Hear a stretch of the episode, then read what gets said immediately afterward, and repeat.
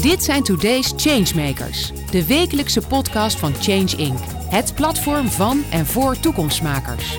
Iedere week gaat Paul van Liemt in gesprek met de mensen die vandaag al grote stappen zetten. Ze zijn open, niet bang, ze innoveren, ze voegen daad bij woord. Verandering als businessmodel. Ben jij dat? Dan zit je bij ons aan tafel. Jan-Willem van der Groep is een pionier op het gebied van biobased bouwmaterialen. Met zijn bedrijf Building Balance wil hij het gebruik van biogrondstoffen in de bouw versneld opschalen. Zijn missie is om de agrarische en bouwsector samen te laten werken om de CO2-uitstoot te verminderen. Welkom Jan-Willem. Dankjewel. Nou, dat klinkt allemaal heel netjes en geweldig. En het is ook netjes, het is ook fantastisch. Maar uh, er schuilt ook een, een rebelse man hè, in uh, Jan-Willem van der Groep tegenover mij hier. Daar gaan we straks ook allemaal nog over praten. Ik heb toch gelijk of niet? Uh, een beetje wel, ja. Een beetje wel, ja, ja. ja. Nou, we beginnen zoals altijd met het, met het duurzame nieuws. Of het nieuws mag ook in algemene zin. Wat is opgevallen afgelopen week. Ja, nou, dan ga ik even terug naar, ik, ik weet niet of dat mag, naar vorige week. Vorige week uh, hadden we het uh, klimaatpakket uh, van minister Jette, 28 miljard euro, wat besteed gaat worden aan het versnellen van de transitie, zou je kunnen zeggen, om die klimaatdoelen te halen. En onderdeel van het pakket was 200 miljoen euro om eigenlijk mijn missie uh, uh, om, om daaraan bij te dragen. Dat is namelijk bedoeld om het gebruik van biogrondstof in de bouw aan te jagen. Dus nou, dat is dat is denk ik heel uh, positief nieuws. Maar je zegt jouw missie, dat is het inderdaad al heel lang en positief nieuws. Het is wel duwen en trekken uh, in deze wereld. Zometeen mag je het uitgebreider vertellen. Maar dat zit er wel achter en zo. Je moet wel weten waar je die drift vandaan had om dat te blijven volhouden. Om steeds uh, op, op al die deuren te beuken om iets voor elkaar te krijgen. Klopt, ja. ja ik ben een beetje missie gedreven. Mijn vader is dominee. En oh. ik denk dat ik wel iets daarvan meegekregen heb. Oh toch, ja, een dominee. Dus dat betekent echt met de stevige ruggen gaat ook veel principes of niet? Of kun je er ook makkelijk van afwijken? Nou, uh, ik, kan wel, ik kan wel laveren en, en uh, uh, meegaan om dingen voor elkaar te krijgen, maar dan moet het wel een doel dienen. En anders kan ik ook wel aardig eigenwijs zijn. Ja. Nee, ik snap het. Toch is dit best een interessante kwestie. Want ik hoorde pas een interview van uh, Jort Kelder, die zoals je weet goed bevriend is met, met Mark Rutte. Die interviewde elkaar weer. Daar gaat allemaal jur jij, maar er zaten toch een mooie inzichtjes in. En dan zegt die Rutte ook gewoon, ja, in deze functie moet je principieel principeloos zijn. Ja. Want je moet met ja. iedereen praten, je moet met iedereen iets. Dus ik kan niet, ik kan wel aan principes vasthouden. En af en toe ja. geven dat wel gedoe, zei hij ook met zijn eigen achterban, zijn eigen partij. Maar het kan niet anders. En daar kun je inderdaad op heel veel manieren tegenaan kijken. Denk je, nou, dat geeft een goed inzicht. dacht ik altijd al, ik verafschuw het. Of denk je dat er ook wel wat in zit? Het gewoon niet anders kan. Bij mij gaat het heel erg als je een bepaald doel wil halen en je hebt een aantal stappen uh, daar naartoe. Dan zitten de, de devils zitten in de details, zeg maar. Dus, uh, en die, als die details niet goed ingevuld worden, dan kun je daar later last van hebben. Dus ik zit soms wel heel erg uh, diep en gedetailleerd een bepaalde kant op te duwen om al die kwartjes gelijktijdig te laten vallen. Nou, dat is ook met die uh, 200 miljoen euro uh, gebeurd. Zeker, en dat geldt ook voor het verhaal waar jij mee bezig bent, met het biobased bouwen. Want in Nederland er wordt steeds, ik, ik, ik schrijf voor mezelf ook altijd even op, die 1 miljoen huizen. Hè, dat is voor een bijna marketingterm geworden, maar om het er gewoon in te rammen, veel huizen. Tegelijkertijd stikstof, stikstofproblematiek en de bouwsector zorgt wereldwijd voor veel eh, CO2-uitstoot. Dat alles bij elkaar. Dus dat leidt tot stilstand, dat leidt ook tot chagrijn. En dat wil jij in feite al een heel groot deel van je leven wil dat doorbreken. Maar hoe doe je dat precies? Ja, waar ik, ik, ik heb eigenlijk altijd al een beetje een, uh, een uh, missie gehad om, om te veranderen. Dus dat, is, dat zit op een of andere manier in mijn, in mijn genen. Dat, doe ik, dat zit ook een beetje in mijn, in mijn achtergrond, denk ik. Ik ben opgeleid als be, bedrijfskundige. Heel veel bezig geweest om, ja, hoe krijg je nou verandering in een bedrijf van elkaar? Hoe jaag je innovatie aan? 2008 uh, ongeveer werd ik ook wel gegrepen van, nou, is er nou echt wat aan de hand met, als het gaat over duurzaamheid? Heel veel boeken uh, gelezen. Ja. En dacht, nou, er zit toch echt wel wat uh, aan de hand. Dus eigenlijk moet alles, in het, alles wat ik probeer te veranderen, ook in het teken staan van dat doel. En vanaf toen ben ik eigenlijk echt bezig gegaan met het, het, het, het uh, aanjagen van verandering en vernieuwing in de bouw. Maar wel geënt op het halen van die klimaatdoelen. Want daar heeft de bouw natuurlijk enorm veel moeite mee. Als je kijkt naar die opgave die je net uh, noemde. Dus het zijn inmiddels 900.000 woningen die voor 2030 uh, gebouwd moeten gaan worden. Ehm, ja, als je, als je kijkt naar de footprint van dat bouwen en je kijkt naar die anderhalve graad uh, klimaatdoelen, dan mogen we op dit moment nog maar 18 megaton uitstoten om onder die anderhalve graad te blijven. Nou, alleen al het bouwen van 900.000 woningen kost 45 megaton. dus we gaan gewoon bijna driedubbel over dat beschikbare budget heen. En dan heb ik het nog maar over de eh, woningbouwopgave tot en met 2030. Want daarna gaan we ook nog bouwen. Dus ja, hoe je het ook uh, wendt of keert, die bouwsector die zal op een andere manier moeten gaan bouwen. Want anders dan zegt een rechter of uh, het klimaat zelf, zegt wel een keer van jongens, ho stop, nu is het klaar. Ja, maar goed, dan wil je dus inderdaad dat er af en toe doorbraken komen. En daar hebben verschillende ministers ook mee te maken. Die zitten in de ministerraad, die moeten elkaar af en toe gewoon de tent uitvechten. Want er komt nog een extra zaak bij. Deze week ook weer heel duidelijk gesproken over drinkwater een beetje de, Raad voor de Leefomgeving die zegt dat ook. Dat hebben we nodig. Hebben ook grond voor nodig. Het uh, drinkwater vervuilt enorm in Nederland.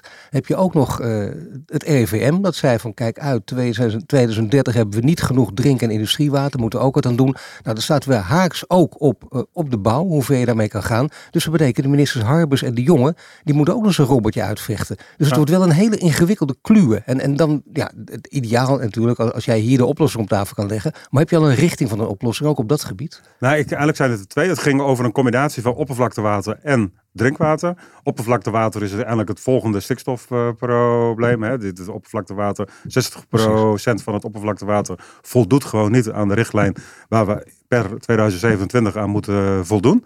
Ehm, nou, daar, daar kunnen we straks uh, met die tilten, die, die biobased tilten, kunnen we daar echt bij helpen. Dat zal ik zo nog even uh, proberen uit te, te leggen hoe dat in elkaar steekt.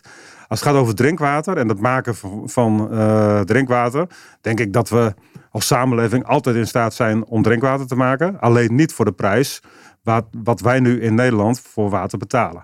dus uh, als wij drinkwater zullen willen blijven houden, dan zal dat steeds meer gezuiverd moeten worden. Dan krijgen we steeds ingewikkelder machinerie, zullen we daarvoor dan moeten aanschaffen. Dus gaat die prijs van het water gewoon omhoog. En die zal eigenlijk, zou die prijs van ons drinkwater ja, zou eigenlijk al veel hoger moeten zijn. We betalen nu voor een flesje spaarwater uit de, uit de supermarkt 900 keer meer dan uh, wat het water uh, wat uit de kraan komt. Het is hetzelfde water. Nee, dus inderdaad, die true price is hier ook van toepassing. Maar zoals je weet is die op veel gebieden van toepassing. En natuurlijk zijn er economische wetten, die hebben met opschalen te maken. Dan wordt het langzamerhand voor iedereen betaalbaar. Maar toch, mensen schrikken daar wel van. Die denken, wacht even, hier moet ik de echte prijs voor gaan betalen. Daarvoor, voor voedsel Klopt. ook al, voor energie. Ja. Het, stijgt me boven het hoofd. En we zien ook een onderzoek, 60%, dat is heel veel. 60% van de huishoudens in Nederland. Dus ook heel veel mensen met één of twee banen hebben financiële problemen, liggen daar wakker van s'nachts. Ja, nee, dat klopt. En ik denk dat bij de overheid, maar goed, dan komen we een beetje op een politiek spoor.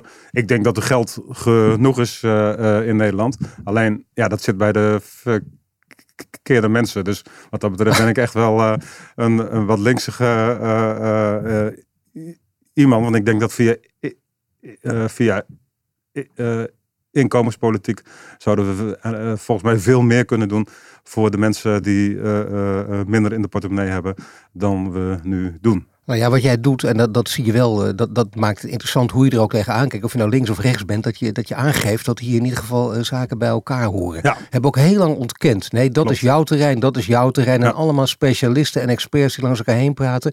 En dan krijg je dus inderdaad Nederland Belangengroepenland. Daar schieten ja. we geen reet mee op. ja, dat zie, je ook, en dat zie je ook op de ministeries terug. Hè? Dus, uh, ja. en juist omdat je het op, op, de ministeries terug ziet, zie je het in de hele samenleving terug. interdepartementaal uh, denken en met elkaar handelen. Komt gelukkig steeds meer opzetten. Maar ja, super ingewikkeld. Nou ja, super ingewikkeld, uh, dat is waar. Maar dan is het wel interessant voor mensen met, met veel creativiteit, zoals jij, die zeggen: Weet je wat, uh, we kunnen oplossingen doen. Ja. En dat heb je met het biobased. En dan gaan heel veel mensen denken: Wacht even, dat is een leuk verdienmodel voor Jan Willem, heeft hij aardig bedacht. Maar dit gaat veel verder. Je hebt het onderzocht, je hebt erover gelezen, je hebt erover gesproken, je weet waar je het over hebt. Maar waarom is dit de oplossing voor heel veel problemen? Dus niet alleen voor de bouw, maar ook voor de agrariërs. Ja, ja. ja ik moet er overigens dan nog even één ding uh, eh, corrigeren van jouw inleiding. Want Building Balance is geen bedrijf, maar een stichting. En eh, een stichting die, die 100% wordt gefinancierd door de overheid. En eigenlijk de taak heeft, of de, de missie heeft, om het gebruik van die biogrondstoffen in de bouw aan te jagen. Nee, dat is een hele belangrijke inderdaad. En overigens door één ministerie, niet maar door meerdere geloof ik. Door het ministerie van Landbouw, door het ministerie van BZK. En uh, het, het, die, dat opschalingsplan, die, waar ik het net aan het begin over had, die 200 miljoen euro. Dat, daar komt dan ook het ministerie van INW en EZ bij. Dus dan zijn er vier ministeries zijn er betrokken bij dat opschalen van het gebruik van biogrondstoffen. Nee, maar dat is een belangrijk om, inderdaad om te weten. Dat is wat inderdaad anders dan een bedrijf, maar het gaat er ook natuurlijk van uh, bijna vanuit de overheid ook ondernemend denken. Ja. En dat, dat, dat zit wel een beetje het idee van de ondernemer. De staat ook, hoeven niet helemaal uh, alle, alle theorieën erbij te halen, maar misschien die kant op. En nou, het is een, uh, wat je heel goed, het, het, is een marktinterventie. En dat is eigenlijk best wel ja, voor uh, ik denk dat toen ik ooit begon met de energietransitie, uh, deden we dat ook. Toen hadden we ook uh, een kabinet waar nog geen VVD in zat. Die vonden dat, de vinden dat natuurlijk best wel lastig hè, dat een overheid geld geeft om marktinterventies te doen. Nu doen we dat eigenlijk weer bij deze, bij deze beweging. Um, en wat we, ja, wat we proberen is om landbouw en bouw aan elkaar te knopen.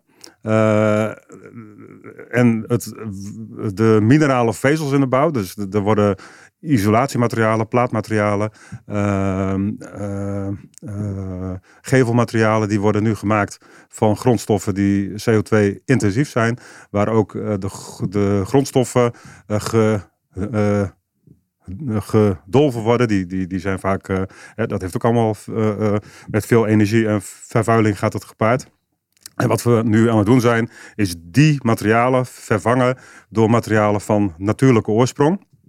En dat zijn vezels die groeien op het land, of dat zijn reststromen die vrijkomen bij de verwerking van voedsel of andere uh, uh, processen. En, en van die vezels kun je dus echt bouwmaterialen maken. Nou, de,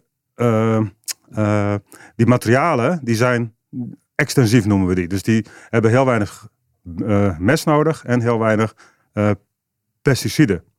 Dat betekent dus dat ze uh, geteeld kunnen worden op bodems die, waar geëxtensiveerd moet worden. Dus dat hele stikstofprobleem wat nu speelt, daar is eigenlijk de vraag aan de boeren van ja, jullie moeten extensiveren. Minder vee, minder intensieve landbouw op die gronden. En eigenlijk biedt die vezelteelt een nieuw verdienmodel voor die boeren die moeten afschalen met vee. Of die met hun akkerbouwbedrijf moeten uh, extensiveren. Uh, en we bieden de akkerbouwers een hogere waarde voor hun rustgewassen. Want die moeten om de zoveel jaar moeten die een rustgewas uh, toepassen op, op, op hun land. Nou, en, en wat we ook kunnen doen met die vezelteel, die kunnen we ook op de gronden neerzetten langs uh, water lopen. Hè? Want die bufferstroken die boeren nu moeten aanhouden van uh, drie tot vijf meter breed. Uh, daar mogen ze geen tilten op plegen, dus geen productieve tilten. dat mag trouwens ook wel, maar ze mogen hem niet bemesten en ze mogen daar geen pesticiden op gebruiken. Nou, uh, met die vezelteelt kan dat juist wel. En die kunnen dus als een soort nitraatscherm dienen. Dus die kunnen ook voorkomen dat die nutriënten uitspoelen richting het open water. Dus we kunnen ook, ook meehelpen om dat probleem van het water op te lossen. Ja, ik zou zeggen, uh, dankjewel Jan Willem, dit is de oplossing, we zijn eruit. Weet je, dat zou te makkelijk zijn. Nee, maar was het maar. Nee, maar goed, als je, als je zo vertelt, dan denk ik ook, uh, bijna, waarom staat het niet elke dag haast in de krant, zou ik haar zeggen, wat jij nu zegt. Want dit gaat, omdat het natuurlijk heel veel zagrijn oplevert dat het niet lukt. Dit geeft aan dat het wel lukt. Toch wil ik even ook uh, wel degelijk het zagrijn bovenhalen, omdat het dicht met de realiteit te maken heeft. Ik heb ze achter elkaar gezet, een aantal, aantal hobbels. En die kunnen we, hoeven niet één voor één te bespreken, maar pik er maar een paar ja. uit zometeen. Ik heb ze hier. De bouwgroepen die willen niet eenzijdig risico lopen door voorop te lopen. Dat is wat je ook steeds hoort en wat jij allemaal kent. Banken en andere financiers zijn huiverig. Opdrachtgevers vinden het te ingewikkeld. Architecten hebben vaak ook te weinig kennis van duurzame materialen. Hoor je dan ook vaak, merk ik in interviews ook, ja, had ik het maar geweten. Ketensamenwerking loopt toch stroef. Goed duurzaamheidslabel voor de bouw. Een echt goed duurzaamheidslabel ontbreekt. Zijn dit allemaal hele grote hobbels waarvan je denkt, ja, daar komen we niet uit? Of zijn die allemaal stuk voor stuk te slechte, deze, deze problemen? Ze zijn allemaal wel te slechte. Uh, als, als mensen mij vragen van ja, waar zit nou, waar kun je nou uh, waar zitten de grootste knelpunten? Hè? Als je dan naar het agro-domein kijkt, naar het industriedomein, de, de plekken waar die vezels worden verwerkt tot materialen, of in het bouwdomein, ja, dan is het toch vrij zeker het bouwdomein. En dat gaat vooral over nou, heel veel aspecten die jij noemde, hebben te maken met de bouwcultuur. Uh, hè, dus dat mensen moeten veranderen om iets, uh, iets, iets anders te gaan doen. En daar heeft de bouwsector ontzettend veel moeite mee. Nou, niet alleen de bouwsector, als ik je mag onderbreken, want dat is nou net, nou maar goed, dat is echt, ja. dat, horen van alle wetenschappers, gedragswetenschappers, cultuurverandering. Als, als je daarover begint, dan is het einde bijna zoek. Dat is ontzettend, ja. weten wij zelf ook, dat is ook moeilijk. Ja, dat klopt. Alleen bij de bouw is het misschien dat is een, daar zit wel een soort verklaring achter. Bij de, ja, eigenlijk, ik zeg altijd van, ja, het, het lijkt wel of wij als techneuten, hè, voordat ik bedrijfskunde deed, heb ik ook nog weg- en waterbouw gestudeerd. En het, ik zeg, het, het, lijkt wel of wij als techneuten opgeleid worden om mensen uit te leggen waarom dingen niet kunnen. En dat is eigenlijk eerst wat we doen. Als iemand met een idee komt, met iets nieuws, dan gaan wij uitleggen van, ja, maar dit en ja, maar zus. En, en, en er zijn maar heel weinig mensen die denken van, oh ja, een heel goed idee. En dan moeten we dit, dan moeten we zus en moeten we zo.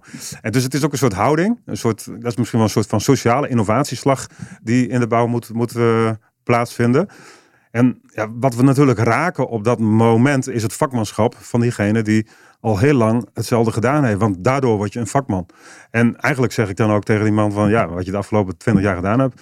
was natuurlijk gewoon bullshit. Uh, en nu moet je helemaal opnieuw beginnen. Je moet weer opnieuw vakman worden, maar dan voor, uh, met iets heel anders. En, dus ik snap wel waarom dat erg ingewikkeld en erg lastig is om uh, die slag te maken. Dus het, het, het verander immuunsysteem van die bouwsector... is misschien wel groter dan iedere andere sector. Maar dat weet ik niet helemaal zeker. Maar ik, ik, ja, het is heel nou ja, waarschijnlijk wel wat je zegt. Uh, en zeker ook dat vakmensen zich in hun eer aangetast voelen, snap ik ook. Die worden daar onzeker van. En bovendien is het zo dat deze mensen ook, uh, die het ene vak uitoefenen, opeens het andere vak ook, ook uit kunnen oefenen. Want we hebben in deze tijd die arbeidskrapte. Het is heel erg lastig. En ook weer op dit terrein. Ja. Daar heb je natuurlijk vaak over nagedacht. Ik snap heel goed die cultuurverandering. Zullen veel mensen herkennen. Niet alleen in de bouw, is op andere gebieden ook.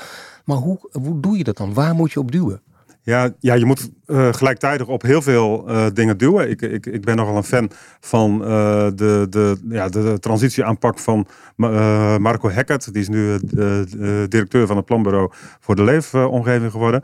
Maar die, die heeft eigenlijk een, een innovatiewiel en dan heeft hij heel veel aspecten genoemd die, die je eigenlijk allemaal gelijktijdig moet aanpakken. Je moet innoveren met uh, uh, ondernemers. Je moet uh, een kennis- en leerprogramma opzetten. Je moet ook een beetje richting geven. Dus ga, laat niet alles over aan het lossen, maar stuur gewoon ergens op. Nou, dat is iets wat ik natuurlijk ja. heel, heel, heel erg aan doen ben. Maar ook dat je het regime wel een beetje moet gaan, moet gaan kietelen. Dus ga ook gewoon aan de gang om ja, denkbeelden te doorbreken. Uh, nou ja, het zijn, het zijn, negen facetten die hij noemt, die eigenlijk gelijktijdig moet gaan uh, aanpakken, gecoördineerd moet gaan uitvoeren aan activiteiten en interventies om dingen voor, voor elkaar te krijgen. Dat, dat is eigenlijk wat ik dagelijks aan het doen ben met een heel team. Dat wil ik net zeggen. Het is niet alleen maar een idee, het is niet een model. Het gebeurt al. Je het bent gebeurt, er gewoon ja, mee bezig. En, maar dan weet jij dus uit praktijkervaring waar je dan tegenaan loopt. En dat kan positief of negatief. Ik denk dat is vaak heel positief. Zo werkt trouwens wetenschap ook, maar praktijk ook. Je probeert en dan zie je wat er niet werkt en wat er wel werkt. Ja. Hoe je verder kan gaan. Ja. En wat zijn, waar zou jij dan bij geholpen zijn in de praktijk? Want waar, daar loop, waar loop je met andere woorden tegenaan? Uh, nou, wat, wat ik heel erg merk is dat uh, we in Nederland heel erg goed zijn om te luisteren naar het gemiddelde. En niet zozeer naar de koplopers. En eigenlijk zijn het de koplopers waar je de goede condities voor moet uh, creëren, zo, zodat die koplopers kunnen opschalen. En dat heeft heel erg te maken met ons poldermodel. Hè. We zijn heel erg geneigd om in die polder met de brancheorganisaties te gaan uh, praten. En die brancheorganisaties die hebben volgens mij uh, absoluut bestaansrecht. Maar één ding waar ze zich volgens mij niet mee zouden moeten bemoeien, dat is met innovatie. Want alles wat er aan innovatie, condities geregeld wordt, dat wordt geregeld voor hun gemiddelde lid. En niet voor de koploper. Dus waar ik erg voor pleit, is in, in Den Haag ook, is van regel nou de goede opschalingscondities, zodat die koplopers vooruit kunnen. En die koplopers delen hun kennis wel weer met, met uh, achterblijvers. En degene die niet mee willen, ja, die moet je ook gewoon achterlaten. Dat is gewoon die die uh, ja, mag, mag, dan niet, mag ik dan misschien op basis van ervaring, dit, dit, zou ik ook roepen, hiervan denk ik elke keer weer, maar je zegt niet voor niks, het is een poldermodel. Dat, dat zit zo diep in ons en bovendien, omdat we, we schrikken dus ook van koplopers. Want dat moeten wij ook mee. Het is veel comfortabeler om in om, die middenmotor te blijven hangen. En, en, wat doe je daar dan aan? Want ik snap onrust. Nou, ik, Laat proberen te verplaatsen mensen die onrustig zijn. Ja, ik heb met het onderwerp waar ik nu mee uh, bezig ben, uh, is alleen het verhaal al. Hè, die win, win, win, win, win, win, win verhaal zorgt ervoor dat er echt heel veel mensen meegaan. Dus als ik dit vergelijk met de energietransitie, hè, dus van 2010 tot 2016 heb ik het energiesprongprogramma gedaan. En dat was echt, dat was echt trekken en duwen en, en mensen meekrijgen, overtuigen. Eigenlijk heb ik daar nu niet zo heel veel moeite mee, moet ik je eerlijk zeggen. Als het gaat over in, het, in de regio's. Hè. We zijn uh, op dit moment 13 regio. Uh, ketens aan het bouwen. De letter K doet het vandaag niet zo goed. Dus je moet niet zoveel vragen stellen met K's erin. En dan uh, gaat het nog langer nou, duren. ik vind dat behoorlijk goed gaat bij jou bijvoorbeeld. Hè. Ik denk, daar gaan we niet over beginnen. Maar mensen hebben je in de gaten. Maar in alle verhalen komt er ervoor dat jij stotterde. Ja, maar jij durft alles, weet je. Dat is ook het punt. Dat maakt niet uit. Eh, dat, dat geeft Ik maak er een beetje een gimmick van. Ja, zeker. Maar wat ik dus merk in die regio's. Dat zijn, uh, we willen binnen vier jaar in die uh, regio's naar duizend hectare vezelteelt. En er zijn, ja, ik heb niet iedereen nodig. Hè? Dus we hebben de uh, koplopers in die regio's nodig. Die zijn er. Uh, in iedere regio zijn er onder de boeren, onder de industrie en onder de, onder de, de in, in die bouwsector, de woningcoöperaties, de beleggers, zijn gewoon koplopers te vinden. Dat is waar ik mee samenwerk. Dus ik hoef helemaal niet zo heel erg te duwen en te trekken. Want alles wat ik doe is altijd met koplopers. En die willen wel. Alleen wat, waar ik voor moet zorgen, uh, en dan vooral in Den Haag, is dat die koplopers gefaciliteerd worden om door te kunnen en op te schalen. Dat is eigenlijk wat ik continu uh, aan het doen ben. Ja, maar toch, uh, dan, als ik dan iets aan mag toevoegen. Je hebt hoe dan ook uiteindelijk, als het erom gaat, als je wil dat iedereen meedoet, heb je wel draagvlak nodig. En dan wil je ook dat anderen niet te onrustig worden, want dan gaan ze zich afzetten. Dat klopt. Een van de redenen van polarisatie. Dan krijg je weer dat verhaal van, en dan krijg je framing. De elite loopt vooruit, wij moeten mee, het wordt over ons heen gegooid. Ja, nou ja, hè, wat je er ook over denkt, daar moeten we vanaf. Want je wil ook niet dat mensen zomaar onrustig worden. Dus je wil ze continu meenemen. En dat vinden veel leidinggevenden vaak vermoeiend. Dat vinden ze eigenlijk zichzelf veel te briljant voor om dat te doen. Maar dat moet toch ook gebeuren? Ja, dat klopt. En dat doen we vooral met verbeelding we kunnen aan mensen laten zien van wat levert het nu op de, uh, op de korte termijn op. Wat voor offers moet je ook op de korte termijn uh, brengen. Maar wat kan het ook op de lange termijn uh, opleveren? En bij ons draait eigenlijk uiteindelijk alles om schaal. Ik denk dat, dat zelfs biobased bouwen, uh, bouwen met die biogrondstoffen goedkoper kan worden dan gangbaar bouwen.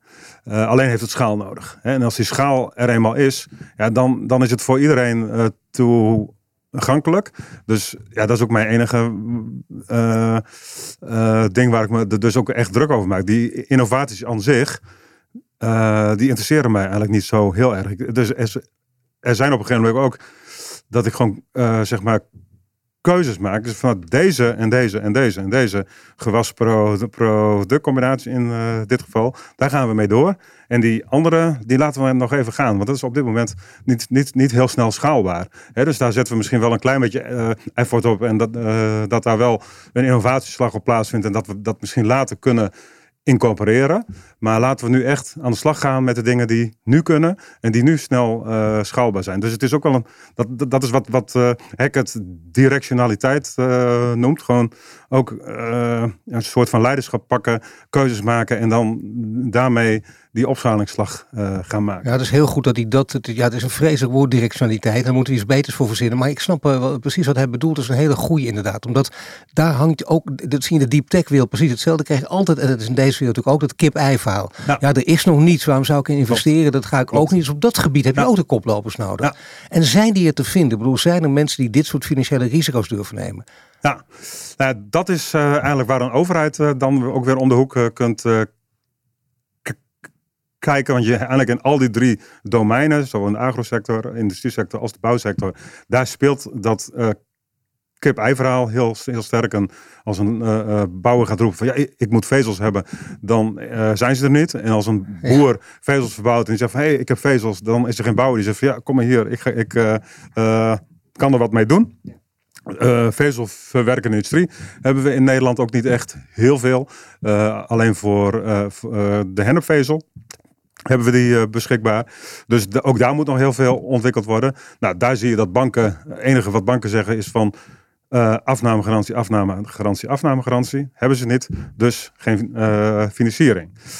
De boer zegt van, nou, ik wil best hiermee aan de slag, maar dan wil ik zekerheid hebben over het, saldo. wie kan die garantie geven? En de bouwer zegt van ja, ik wilde hier best mee aan de slag, maar ik wilde wel garantie op kunnen geven. Het moet jaar rond beschikbaar zijn van dezelfde kwaliteit. Uh, nou ja, en, en zo heb je dus een aantal uh, dingen die je gelijk, uh, gelijktijdig moet oplossen.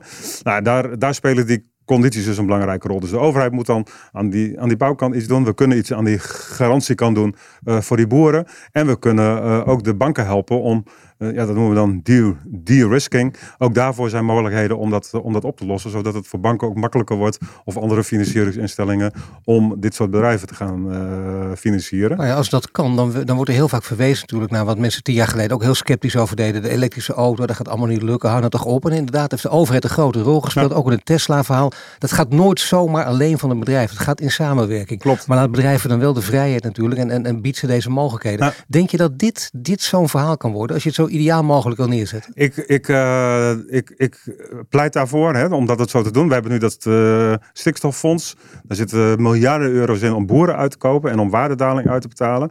Nou, ik denk dat wij met vezelteelt zouden we zo'n beetje 40, 50 procent van die extensiveringsgronden kunnen invullen. Uh, dat betekent, want dat, en dat, uh, uh, daar kunnen we rendabele teelten op, op, op krijgen. Dus echt tilten die een saldo op, opleveren die het, het huidige inkomen van de boer haalt of daar zelfs overheen gaat. Dat betekent dus dat je die boeren in principe niet zou hoeven uitkopen of geen waardedaling hoeft uit te En daar staat 7,2 miljard voor in de boeken. He, dus uh, ja, als we nou 1 miljard euro in een fonds stoppen en we zeggen van ja, we gaan een soort SDE plus achtige regeling voor boeren opzetten, hè, zoals we dat met de windmolens ook hebben gedaan, en we beloven die boeren dat ze vijf jaar lang een bepaald saldo halen, uh, dan weet ik zeker dat die 1 miljard euro gewoon in de pocket uh, kan blijven. Maar die boeren hebben in ieder geval de garantie dat ze, als ze overstappen, dat ze vijf jaar lang ja, dat inkomen hadden, hebben, wat ze nu ook uh, Nee, dat snap ik. Dat is een belangrijke stap. Maar je werkt bijvoorbeeld ook aan een, uh, aan een belangrijke financier als InvestNL. Een investeerder die ook zegt, wacht even, uh, al die fondsen, dat is heel mooi. Maar daar kreeg InvestNL bijvoorbeeld heel veel kritiek op. Al het geld gaat naar fondsen, geloof 30, 70 procent en 30 procent naar bedrijven. Dat moet omgekeerd worden. Geldt het in dit geval uiteindelijk ook dat er geld meer direct naar bedrijven op alle gebieden toe moet gaan? Ja, dat is, dat is eigenlijk in dat middendeel, dat is die industrie. Uh, dat is, uh, uh, hè, want wat, net had ik het over de landbouwfondsen. Dus de, een, een, middel om ook echt perspectief te bieden voor die boeren. Zonder dat het heel veel geld kost voor uitkopen ja. en waardedaling. Die industrie is weer een ander verhaal. Daar zie je dat de-risking een hele, heel belangrijke rol speelt. Ook voor InvestNL. Hè? Want ik ben zelf ondernemer geweest tussen 2016 en 2020. Ik heb ook met InvestNL gesproken. Ja, uh, als startende ondernemer hoef je daar echt niet aan te kloppen. Uh, want die kijken op dezelfde manier naar risks als banken dat doen. En dan loop je tegen dezelfde vraagstukken aan. Dat gaat ook over afnamegarantie, afnamegarantie, nou ja, Er zit natuurlijk nu wel een nieuwe directeur die een nieuwe frisse wind laat waaien. Nou, dat hoop is ik. ook na corona. Dus ik heb het idee dat al wat aan het veranderen okay, is. Oké, okay, nou ja, ik mag het hopen. Wij, wij lopen in ieder geval wel continu uh, tegen die vraagstukken uh, aan bij ondernemers die willen investeren in, in die vezelverwerkende industrie. En dat is ook de reden waarom in die uh, eh, 200 miljoen euro ook wel een faciliteit opgenomen gaat worden om uh, ondernemers uh, die willen investeren in vezelverwerkende industrie, om die ook echt te, te ondersteunen via, ja, nog nadat het bepaalde regelingen. Nou heb jij je uh, energiesprong al genoemd. Daar heb je heel druk over gemaakt uh, en, en voorgemaakt, ervoor ingezet. Stroomversnelling, allemaal de namen zeggen ook alles. Ja. Gideons bende, mensen binnen en buiten, de, buiten deze wereld waar je mee bezig bent. Die zich echt buigen over deze problematiek. Je geeft heel veel voorbeelden nu. Dus je wil echt, uh, nou dat, dat is bijna on-Nederlands, maar inderdaad hele grote stappen zetten. Niet kleine stapjes, maar hele grote dingen neerzetten. Klopt. En dan, ja je zei al met vaatgas dominee. Maar dit is wel, je moet ergens ook zelf de energie vandaan halen om dit vol te houden. Om dat, doen, om dat te doen in een land dat gewend is aan pol polderen. Wat, wat raad je dan mensen aan? Want er zijn er meer als jij. Helaas te weinig. Maar wat raad je die mensen aan die af en toe daar neerslachtig van worden? Bij de pakken neerzetten of denken, ik, ik doe het toch maar niet, want het werkt gewoon niet in Nederland.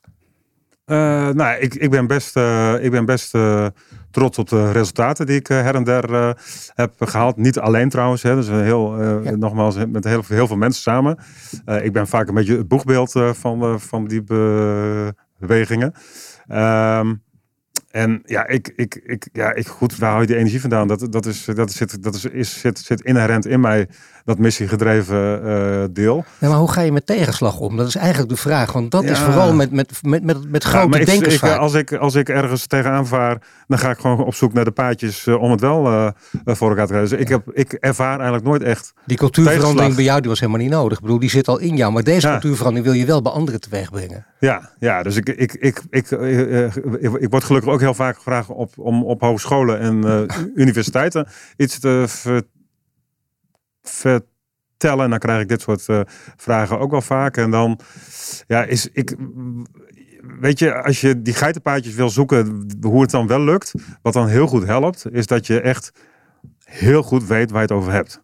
Want dat is eigenlijk de essentie. Als je gewoon niet goed, hè, als ik nu niet zou weten hoe heel veel dingen in de landbouw werken, en met tilten en met uh, vezelgewassen, en, uh, hè, dan, dan, ja, dan heb ik eigenlijk geen verhaal. En dan kan ik die geitenpaadjes ook niet vinden. Maar dat is wel heel goed dat je dit zegt. Het gaat dus ook echt enorm om inhoud, want dat zie je heel vaak. En dat de, de, eh, geweldig ook de leuke enthousiaste spreken op een congres. Maar als je doorvraagt, zit er heel weinig inhoud achter. Daar schieten we weinig mee op. Ja, ik denk dat ik ik ben uh, wel autodidactisch als het gaat om de onderwerpen die ik uh, uh, beetpak. Daar wil ik ook echt alles van weten. Ik wil gewoon het goede gesprek met een deskundige kunnen voeren. En dan hoef ik niet zo ver te gaan als die deskundige, hè, die alles weet van een plantje en hoe dat met de bodem interacteert, uh, et cetera.